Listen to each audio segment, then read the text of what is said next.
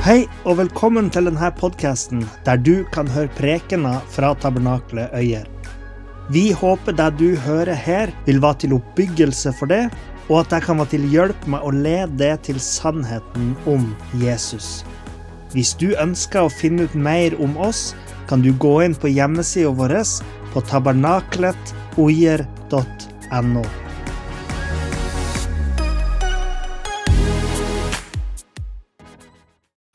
fra vers 15. Det har seg slik at eh, Moses hadde vært igjennom en stridighet Ikke Moses, men Abraham hadde vært igjennom en stridighet med en han var onkel til. Han het Lot. Det var jo hyrdene, eller gjeterne. Og så det som skjedde, han gav, eh, gav Lot muligheten til å velge først.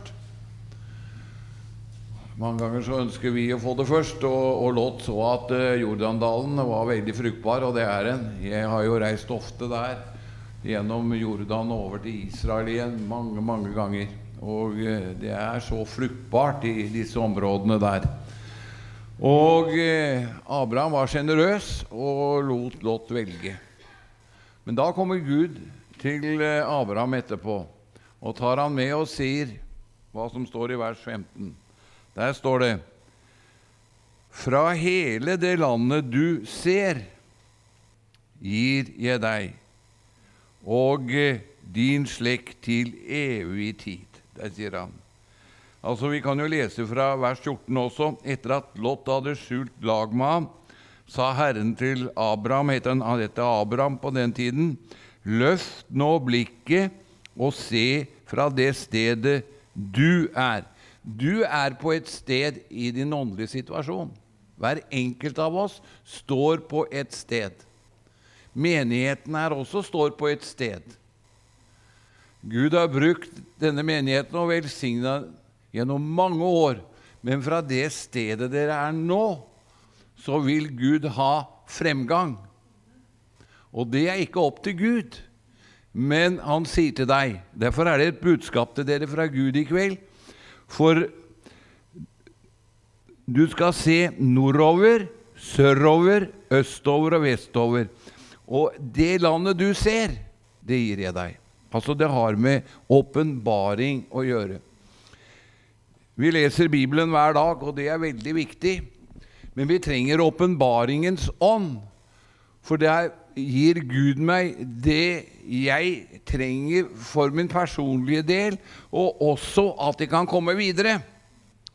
Jeg var rundt 70 år og skulle ha medarbeiderne mine ned til Vennesla fra Midtøsten, Jordan, Syria, Irak, Libanon. Jeg jobber i disse områdene gjennom mange år. Og det koster mye penger å ta det med fly, og så var jeg litt sliten. og tenkte det var et trøkk på meg, og det er ikke bare da, men akkurat da, når jeg var kommet så langt opp i åra, tenkte jeg, så sa jeg til Gud nå kan jeg vel ta det litt mer med ro. ja. Jo da. Eh, hørte ingentingen. Men tre-fire dager etterpå så kom Herren til meg og sa utvid grensene dine. Derfor er jeg i Øyer i dag. Og de siste årene har faktisk de siste 10-15 årene har jeg har opplevd mye spennende før og, og fått oppleve å leve med Gud, men de siste 15 årene har kanskje vært de rikeste i livet mitt og de mest utfordrende. Saken er den vi lever i en tid nå hvor Gud må tenne oss på nytt for at vi skal klare å føre evangeliet videre. For det blir mørkere i verden, men lysere i Guds menighet for de som elsker Jesus og forfølgelsene vil bli større.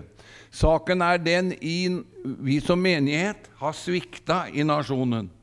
Saken er ganske enkelt det at antikristelig kultur har fått rotfeste i vårt nasjon ved demonene. Og hva vil det si?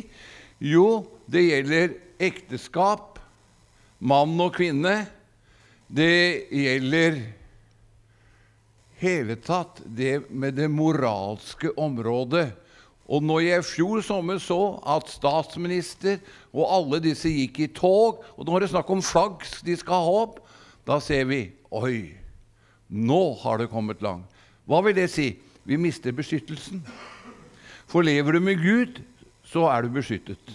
Amen. Du møter vanskeligheter. Men som nasjon kan man miste beskyttelse.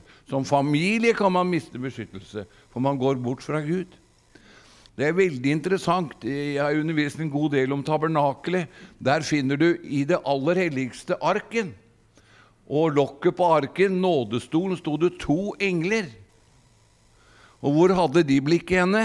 Mot nådestolen og vingene utbredt over den.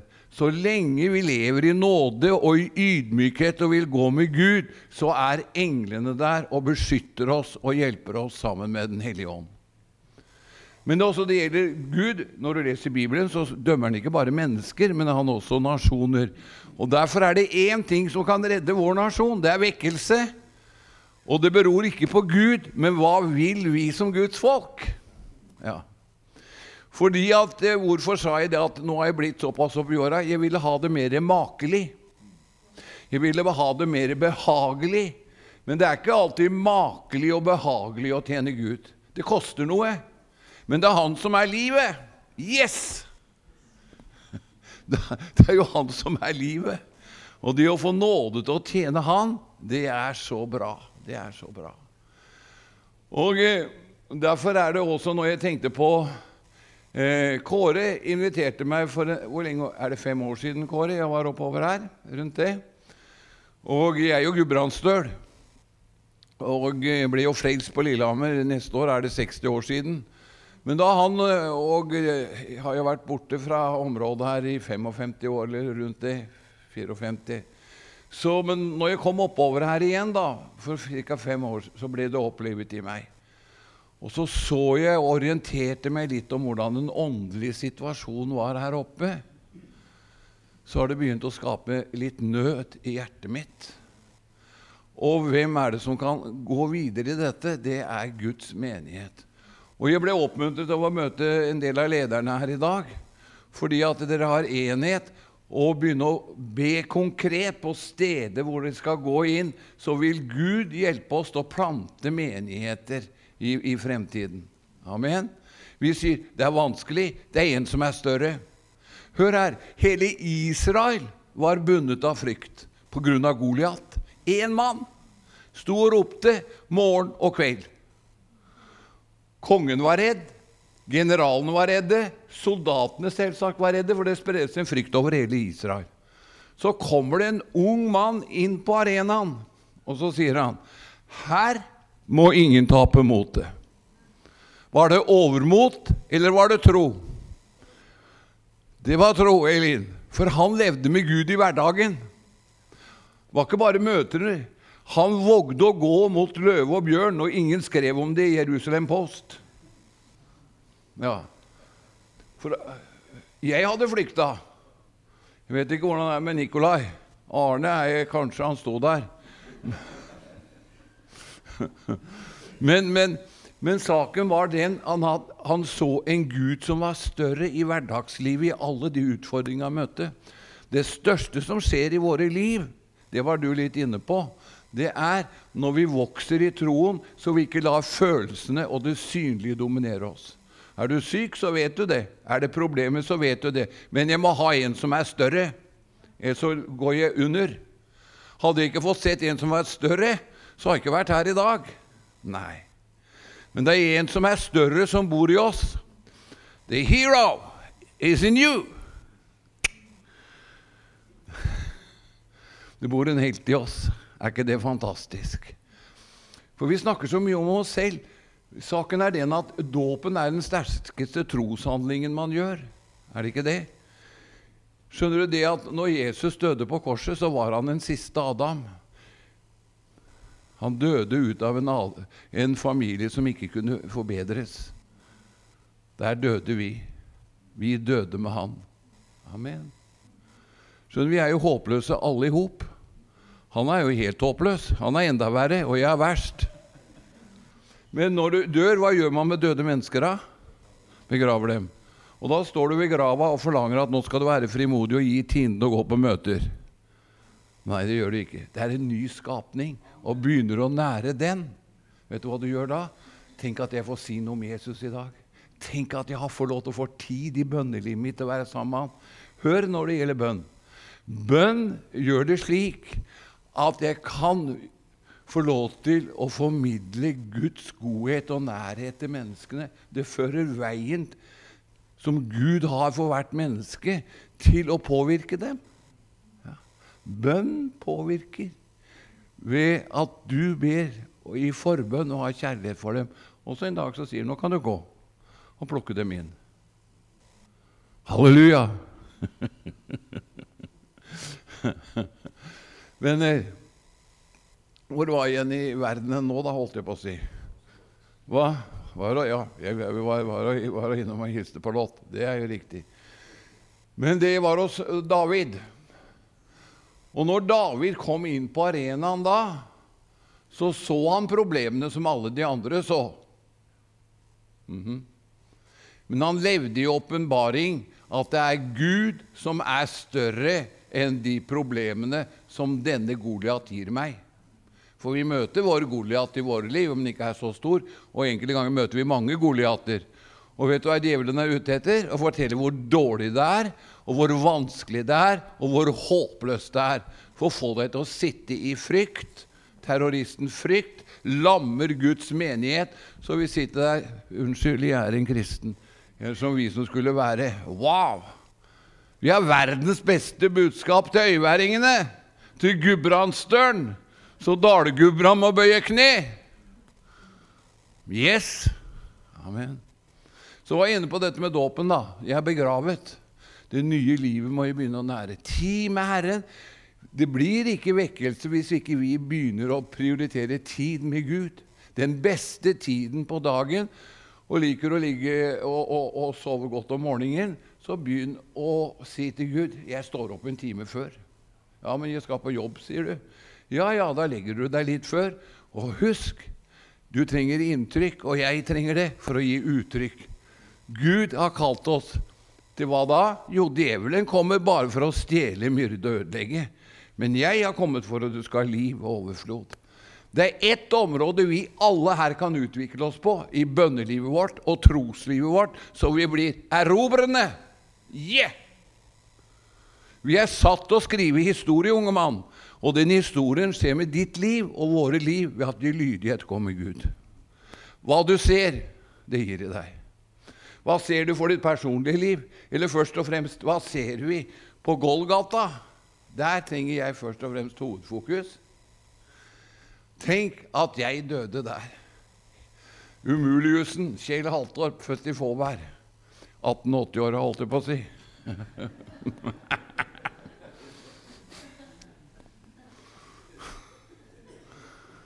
Men umuligheten var han. Selv om jeg Jeg har ikke det. Ikke drakk jeg, ikke røkte jeg, ikke banna jeg. Betalte min skatt. Så jeg var omtrent frelst. jeg vet du, En kjempegutt. Kjempegutt. Nei, men når jeg ble frelst Vet du hva? Jeg var ikke en synder når jeg ble frelst. Men jeg kjente jeg mangla noe i livet mitt, så jeg sa et ja. Men senere, når, når Gud kom til meg, åpenbarte seg, så så jeg at det var en like stor synder som alle andre, enten de lå i, i steinen eh, ute og, og, hadde store problemer. Hva? Egoisme og hovmod er hovedsynden som djevelen førte inn i våre liv. Den norske kjøtt- og fleskesentralen kaller jeg det. Den har mange abonnenter. Nei da, men, men, det er en som har seiret der også. Det er korset som tar det. Så Derfor er dåpen en veldig sterk bekjennelse. At jeg tror jeg døde med han, og jeg er begravet med han. Så derfor kan vi si det er noe som kalles den subjektive siden av frelsen og den objektive. Fra objektive siden av frelsen så er det slik at Gud kan ikke gjøre noe mer enn han har gjort. Hva ropte han på korset? Ja, hva vil det si? Det er halvbrakt. Det er ferdig. Frelsen er ferdig for alle mennesker til alle tider. Når han brakte blodet inn for Faderen, så ga Faderen av Den hellige ånd, og hele menneskeheten er forløst og tilgitt. Alle øyværinger er tilgitt. Det er evangeliets herlighet, men de må ta imot. For alle dem som tar imot ham, gir han rett til å bli Guds barn. Og det, Da kan du be med mennesket hver dag når du begynner å innvie ditt liv og er våken for Den hellige ånd. Se mennesker. Halleluja. Hva ser du? sa Gud til Abraham. Ja, det var viktig. Hva ser jeg? Tenk det. Gud har plassert seg selv i livet ditt. Tenk at en levende Gud bor i deg. Gratulerer.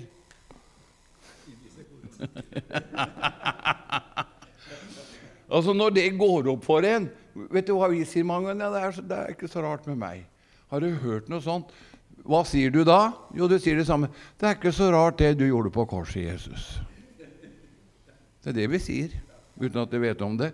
For du skal være død og begravet, ikke sant? Men da kommer det noe rap fra gamle Adamsen. Han er en forferdelig type. Men Kristus i oss. Det er han som er frimodigheten vår. Det er han som er kjærligheten. Du og jeg kan ikke produsere et milligram med kjærlighet. Kan vi ikke. Vi skal bare ta én ting. Arne spurte jeg skulle snakke om, eh, litt om eh, Jeg har jo jobba i Midtøsten i over 25 år, og det må bli veldig lite. For i 19, jeg kommer igjen om fem år, og da kan jeg ha Midtøsten i går og i dag og i morgen. Men jeg skal ta med én som kan fortelle hva et mot gjør, som David hadde. David forandra hele situasjonen, han, for han gikk imot Goliat og, og, og, og seira. Ved sin kraft? Nei, ved tro. Seieren er vunnet, den på øyer. Men det er å høre fra Gud og begynne å ta stegene. Amen. Gud elsker øyværingene. Halleluja! Så han ga sitt liv for øyværingene. Er ikke det bra? Ja, men du skulle bare bodd her oppe, du. Det sier de nesten alle steder hvor jeg kommer. Jeg er jo gudbrandsdør sjøl, kan du tenke deg. Ja, ja. Men David, altså, han vant seieren. Men jeg skal tilbake igjen til en som heter Rashid, så jeg skal fortelle hva som Det blir tusenvis frelst i, i, i Midtøsten i disse dager. Det har dere hørt. Men i Syria spesielt. Jeg var i Syria for ett og et halvt år tilbake. Og det var den farligste turen jeg har gjort. Jeg behøvde ikke ha kommet ut igjen. Men du, da var jeg ikke gift, eller, og jeg tenkte det at eh, det, dette kommer til å gå bra. Saken er at jeg hadde fred, og så måtte jeg ha mennesker der inne som eh, jeg hadde kontakt med, som kunne ta seg av meg. For de kunne ikke bruke fly til Syria. De måtte komme i Beirut for å hente en. Og vi ble stansa stadig vekk. Og det de er ute etter når det gjelder utlendinger, hva da? Fange dem penger. Ja. Men der inne, når krigen begynte, var det en mann som het Rashid. Og Rashid hadde et møte, for han hadde trent en del disipler. Så kom IS og drepte alle. Alle medarbeiderne hans. Selvsagt skulle han dø, men det at de bare de tok 20 rustne spiker og spikra inn i beina hans Han skulle dø på en annen måte. Kan du tenke deg hvilken smerte? Men Rashid døde ikke. Halleluja! Og gjennom hans lederskap, kan du høre, og den frimodigheten han har hatt, så regner man at mellom 100 000 200 000 syrere har kommet til troen på Jesus. Amen. Det er for å bruke ungdomsspråket det er knallsterkt. Jeg ser det at du har begynt med den der. Han vet hva kneologi er. Det gir den rette teologi. Halleluja. En kristen på knærne ser lenger enn en filosof på tåspissene. Så bare fortsett. Halleluja. Enda mere. Enda mere. Halleluja. Ja da. Jeg har en sønn også, og han er jo langt opp i hundreåra. Han går jo sånn, han også.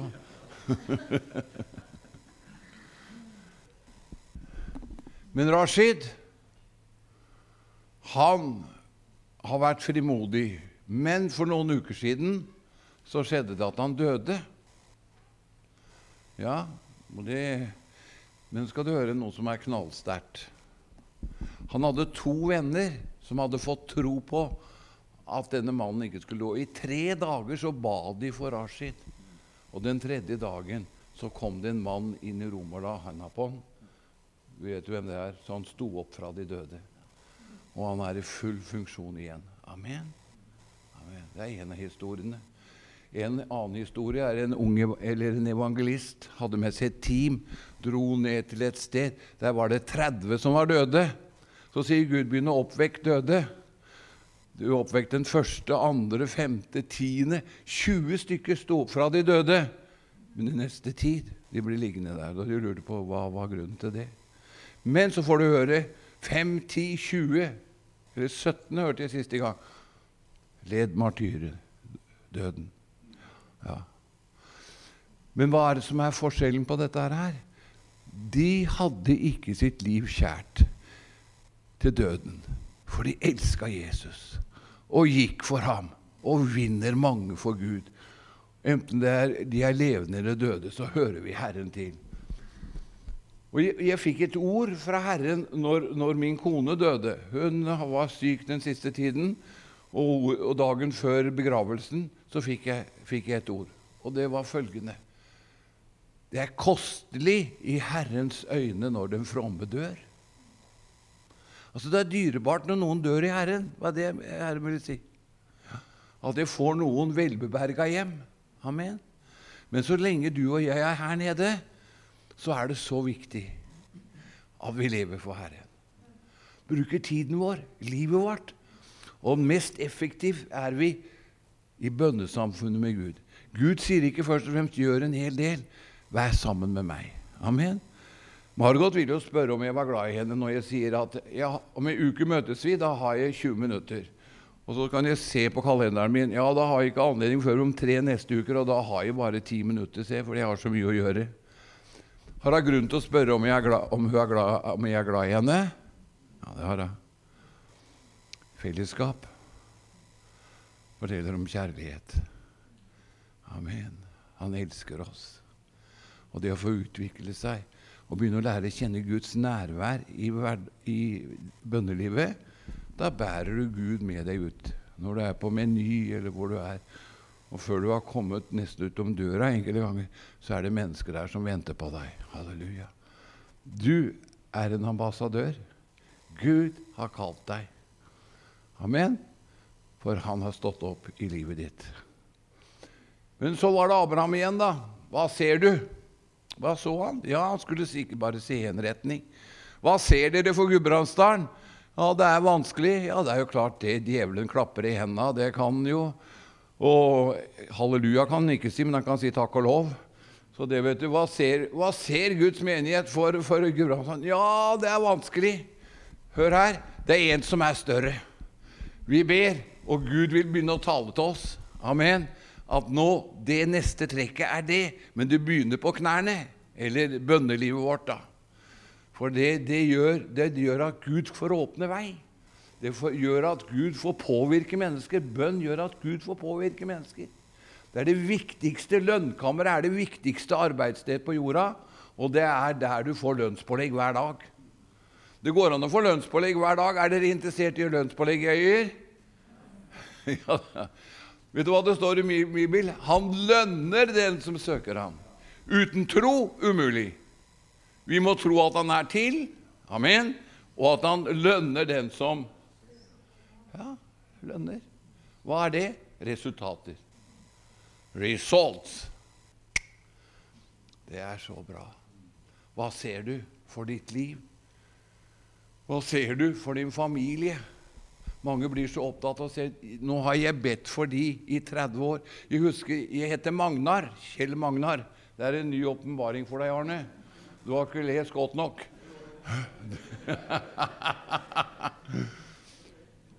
Jeg ble kalt det, for min mor hadde en, hadde en, en bror som var snill mot henne. Og da hadde bestemt seg at skulle få en sønn, så skulle han hete Magnar. Så ble jeg hetende Kjell Magnar.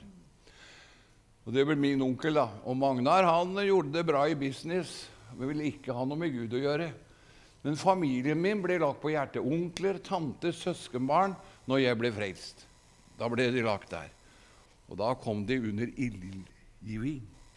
Vet du hva forbønn er? Kjærlighetens bakholdsangrep.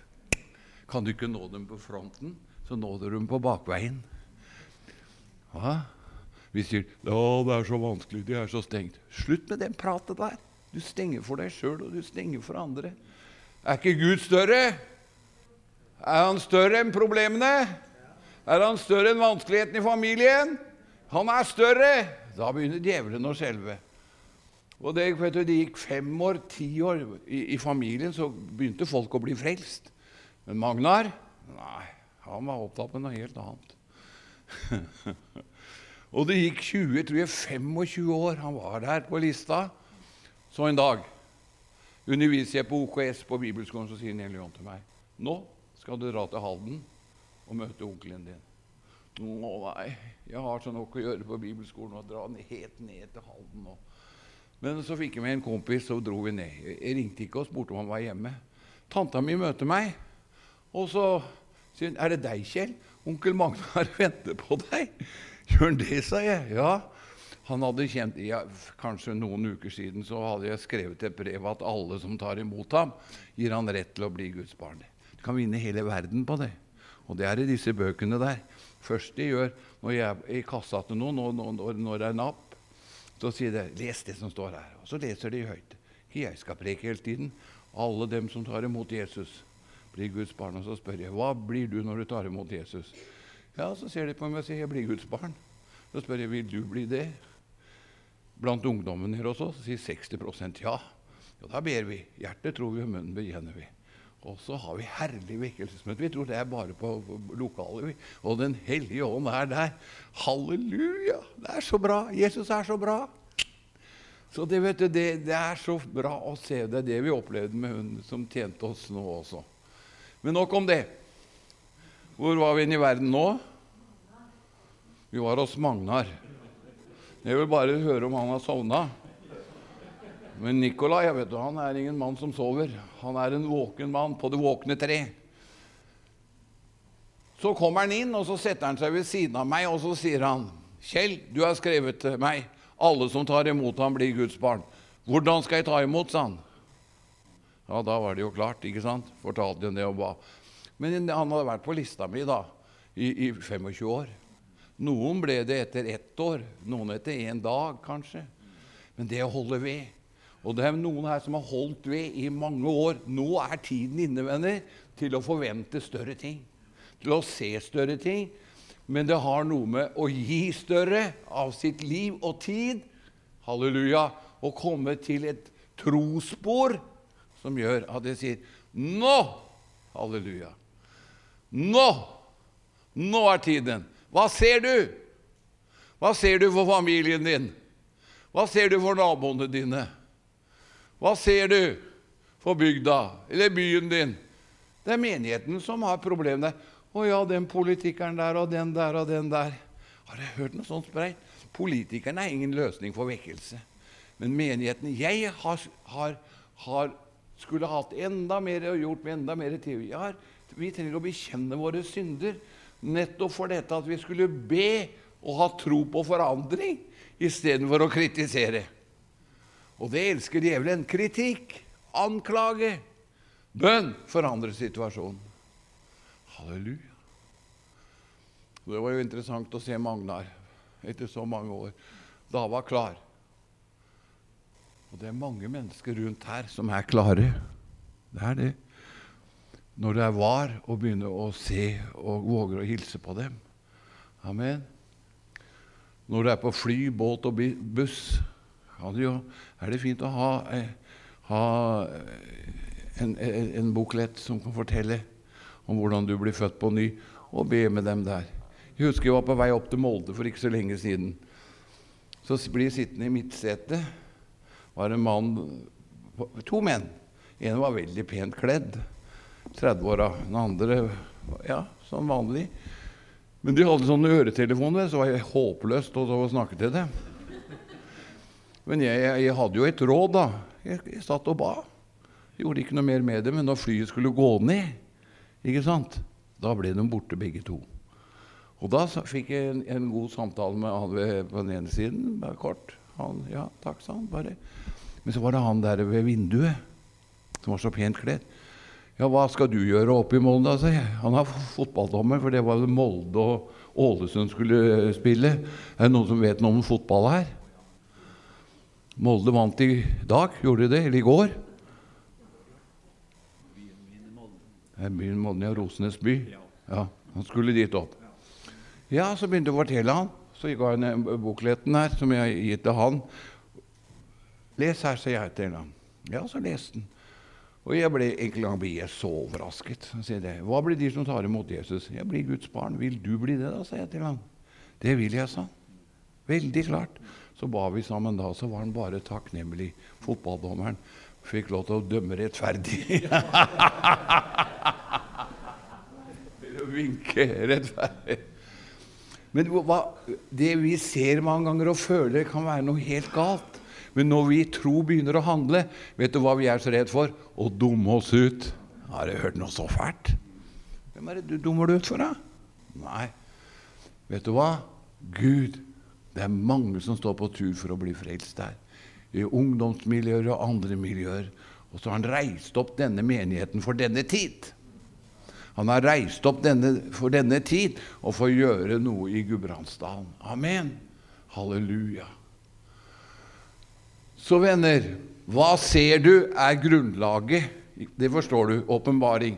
Og hvor enn jeg er i verden og underviser, så gir jeg dem et visdomsord, og det er en apostolisk bønn. Hvis dere begynner å be den et halvt år, så begynner det å skje noe radikalt i livene våre. Efeserbrevet 1, 17-23. Alle noterer. Takk skal dere ha. Efeserbrevet 1, 17-23. Jeg ber, sier apostelen. Om hva da? Hjertets opplatte øyne, så vi kan se. Så har du ikke åpenbaring, så ser du ikke. Nei, vi kommer i et religiøst mønster, og, og, det kan være veldig bra til å begynne med, men han vil sprenge bomler av jern og dører av kobber, og sirklene som vi er trygge i, som jeg er trygg i, så han drar meg stadig, han trener meg stadig. Jeg har gått i disippeltreningsskolen nå i 59 år, og han har ikke blitt lei meg. Det er nåde, altså. Det er nåde! Yes. Jeg ber om at vår Herre Jesu Kristi Gud, herlighetens Far, det kommer opp her, må la dere få en ånd som gir visdom og åpenbaring, så dere lærer Gud å kjenne. Og så kommer det neste. Når vi har hjertets oppløyte øyne, så vil vi se håpet og hva er det som kommer videre da? Ja, han har ikke kommet dit ennå. Og så kommer det at vi kan se hva da? Hvor rik og herlig øynene, ja, så dere får innsikt i det håp han har kalt det. Hvor rik og herlig hans arv er for de hellige. Du vet vel det at du er søkkrik? Å, så bra. Hvor, hvor, hvordan kan jeg vite at jeg er rik? For jeg er nemlig søkkrik. Vet, vet ikke om du er så rik. Elin, eh, Elin er søkkrik. Ja, vi liker ikke alle sammen, for vi har fått en arv, og den er i Guds ord, venner. Rik på herlighet, Hans nåde og arv er. Men jeg trenger å se det, ellers så taler jeg negativt, taler meg ned sjøl, taler menigheten ned. Jeg preker vanskeligheter istedenfor å preke oppmuntring og preke forløsning og helbredelse. Halleluja! Familievekkelse. Ja. Helt avhengig av det. Og det finner du i den bønnen hvor rik og herlig arven er. Er er presens. Så i hver dag i Arendal er det en bank som er åpen 24 timer i døgnet. Den kalles Nådebanken. Og jeg kjenner banksjefen. Amen. Han heter den Herre Jesus Kristus. Amen. Og så sier han det er ikke opp til meg hvor mye du skal ha ut, Kjelsin. Den er åpen for deg hvor mye du vil ha. Ved tro. Venner, og da det, når predikantene og vi vokser inn i dette med troens ånd og troens forkynnelse i kjærlighet, så er det en sprengkraft som får mørket til å vike, og vi får lov til å vokse i tro og kjærlighet. Og ikke bare det, men punkt nummer tre, hvor det står i den bønnen Hvilken kraft det var som vakte Jesus opp fra de døde. Den kraften, den bor i Arne. Det er derfor den er så sterk. Den bor i Nikolai. Den bor i deg. Den bor i oss alle. Men den kan slumre hvis ikke troen får se det, og jeg bruker den. Jeg formår alltid Ham som gjør meg sterk. Jeg trenger nåde hver dag. Jeg innvier mitt liv til Gud hver dag. Det er nåde. For jeg trenger Guds kraft hver dag. Og at jeg er rede. Ja. Selv om jeg har prekt evangeliet så mange år, og at jeg har en forventning til Jesu komme. Amen. Skjønner du, Det går an å få så mye jord på beina i vår materialistiske tid. er en sånn en utfordring. De vanskeligste landene å forkynne evangeliet er de kraftig muslimske og materialistiske land. Men nå er det vekkelsestid. Amen. Og vår overveldende kraft er hos oss som tror, og i oss. Gratulerer! Hils på den ved siden av deg og si 'Hvilken kraft er det som bor i deg?' Hils på den ved siden av. Ja. Hvilken kraft er det som bor i deg? Halleluja. Så dette her, her er litt av en kraftfull forsamling. Halleluja. Er ikke det bra? Amen. Det er så fint. Bare at dette for meg og for deg nettopp å få denne åpenbaring det du ser, Abraham. Kom nå, bli med. Se til nord, syd, øst og vest. Det du ser, vil gi deg. Det du ser, det du har åpenbaring om, vil gi deg. Men så måtte han gjøre noe annet. Han måtte gå inn i det ja, og begynne å ta det steg for steg. Jeg er så glad at Gud ikke har lengdehopper, men at Han har nåde med at vi kan gå steg for steg. Der du setter føttene dine, det, gir deg. Josua 1,3 er et ord til deg også. Josua 1,3. Ja. Halleluja. Der du setter føttene dine ned, det vil jeg gi deg. Amen. Mange av dere har vært trofaste i mange år. Han har svart mange bønner.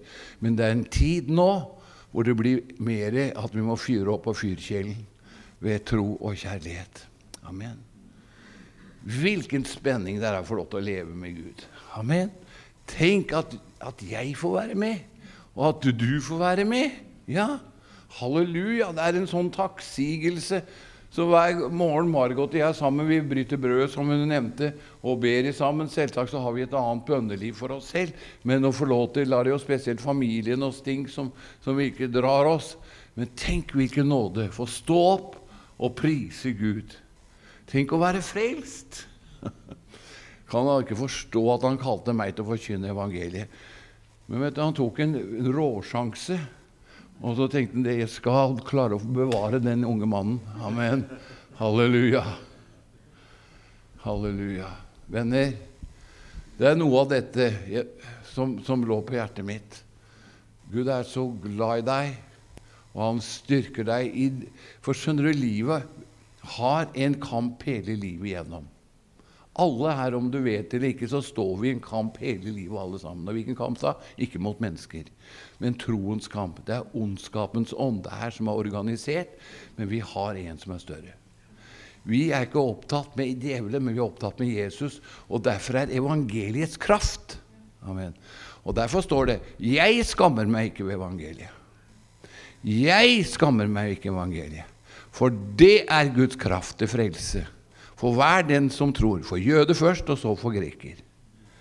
I det evangeliet åpenbares hva da?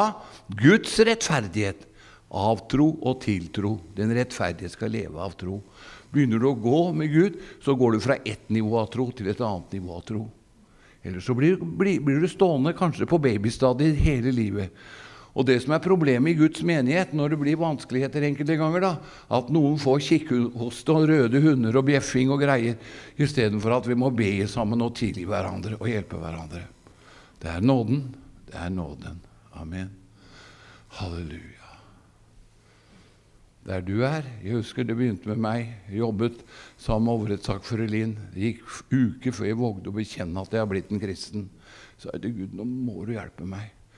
Og Jeg husker godt den mandagsmorgenen jeg kom inn og satte meg med stolen siden av han, for da hadde jeg det klart. Og jeg fortalte om jeg har blitt frelst, og jeg fortalte om himmel og helvete. Og så så han på meg og sa det var hard kost på morgenkvisten, sa han. Man kan spørre hvor viselig det var.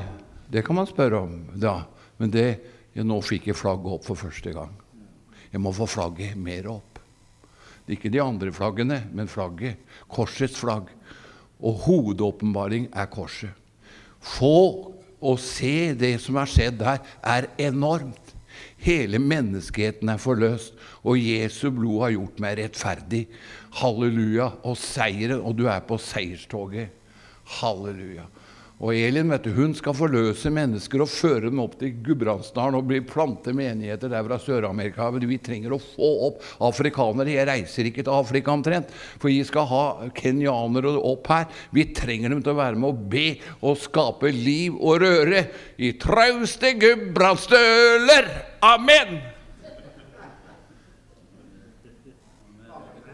Herre, jeg takker deg. Takk for denne kvelden vi fikk sammen. Takk for disse dyrebare menneskene her.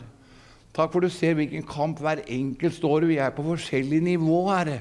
Men der vi er, at det blir et lysglimt av tro for seg selv, for familien, for naboene og stedet. At vi slutter å tale negativt over Gudbrandsdalen og, og Lillehammer, eller må det måtte være, men at vi begynner å tale velsignelse og forandring. Velsignelse og forandring. Takk for vennene mine her. Takk for vennene, for hver enkelt av dem. Jeg priser deg. Før jeg setter meg, så var det, det en ting jeg ble minnet om når jeg ba nå. Det var under abortstriden. Og jeg var, var sånn litt ilter i mine bønner for statsministeren vi hadde. Fordi jeg så hvor galt dette var. ikke sant? Du reagerer. Så kommer Den hellige ånd til meg og sier, 'Hva driver du med?' Og han rettesatte meg. Så jeg omvendte meg. Skulle jeg nå henne, så må jeg begynne å få et nytt blikk på denne dama. I kjærlighet og begynne å be skal mine bønner bli effektive. Den største krigføringen og seieren som ble vunnet på korset, det var forsoningens tjeneste. Jesus seiret over djevelen på korset. I ydmykhet og forsoning så forløses familieproblemer og, og, det som er vanskelig. Halleluja. Men jeg har et spørsmål til dere. Lukk øynene deres. Takk, Herre. Takk, Herre, for hva denne menigheten betyr. Takk for en ny tid i denne menigheten. Takk for lederskapet her, Herre. Jeg priser deg. Takk skal du ha. Jeg har lyst på å spørre deg, har du en lengsel i livet ditt til å komme inn i et rikere samfunnsliv og bønneliv med Gud, og at du er klar Jeg vil begynne å avsette mer tid. For tid har vi alle sammen like mye av, men at du må finne det. Men har du en lengsel i deg, så skal jeg be for deg. Jeg skal ikke dra deg fram her, men du kan rekke opp hånda di, så skal jeg be for deg. Og la den komme fort opp, for jeg kommer til å be ganske fort. Han ser lengselen din. Amen. Halleluja. Herre, la hendene være åpne. Nå kan dere ta imot. Ta imot en større fylde av bønnen og troens ånd og kraft i ditt hverdagsliv. Jeg velsigner familien din, velsigner naboene dine, velsigner bygda Øyer ære med åndsutydelse, og Gudbrandsdalen er en ny tid. I Jesu navn. Amen. Takk for at du hørte på. Hvis du tok et steg i tro i dag, eller du har noe du ønsker forbønn for, så vil vi gjerne høre fra det via e-postadressen kontakt alfakrølltabernakletOyer.no. Du er òg velkommen til våre ukentlige gudstjenester i menighetslokalet i Haugskutua 5 26 36 Øyer.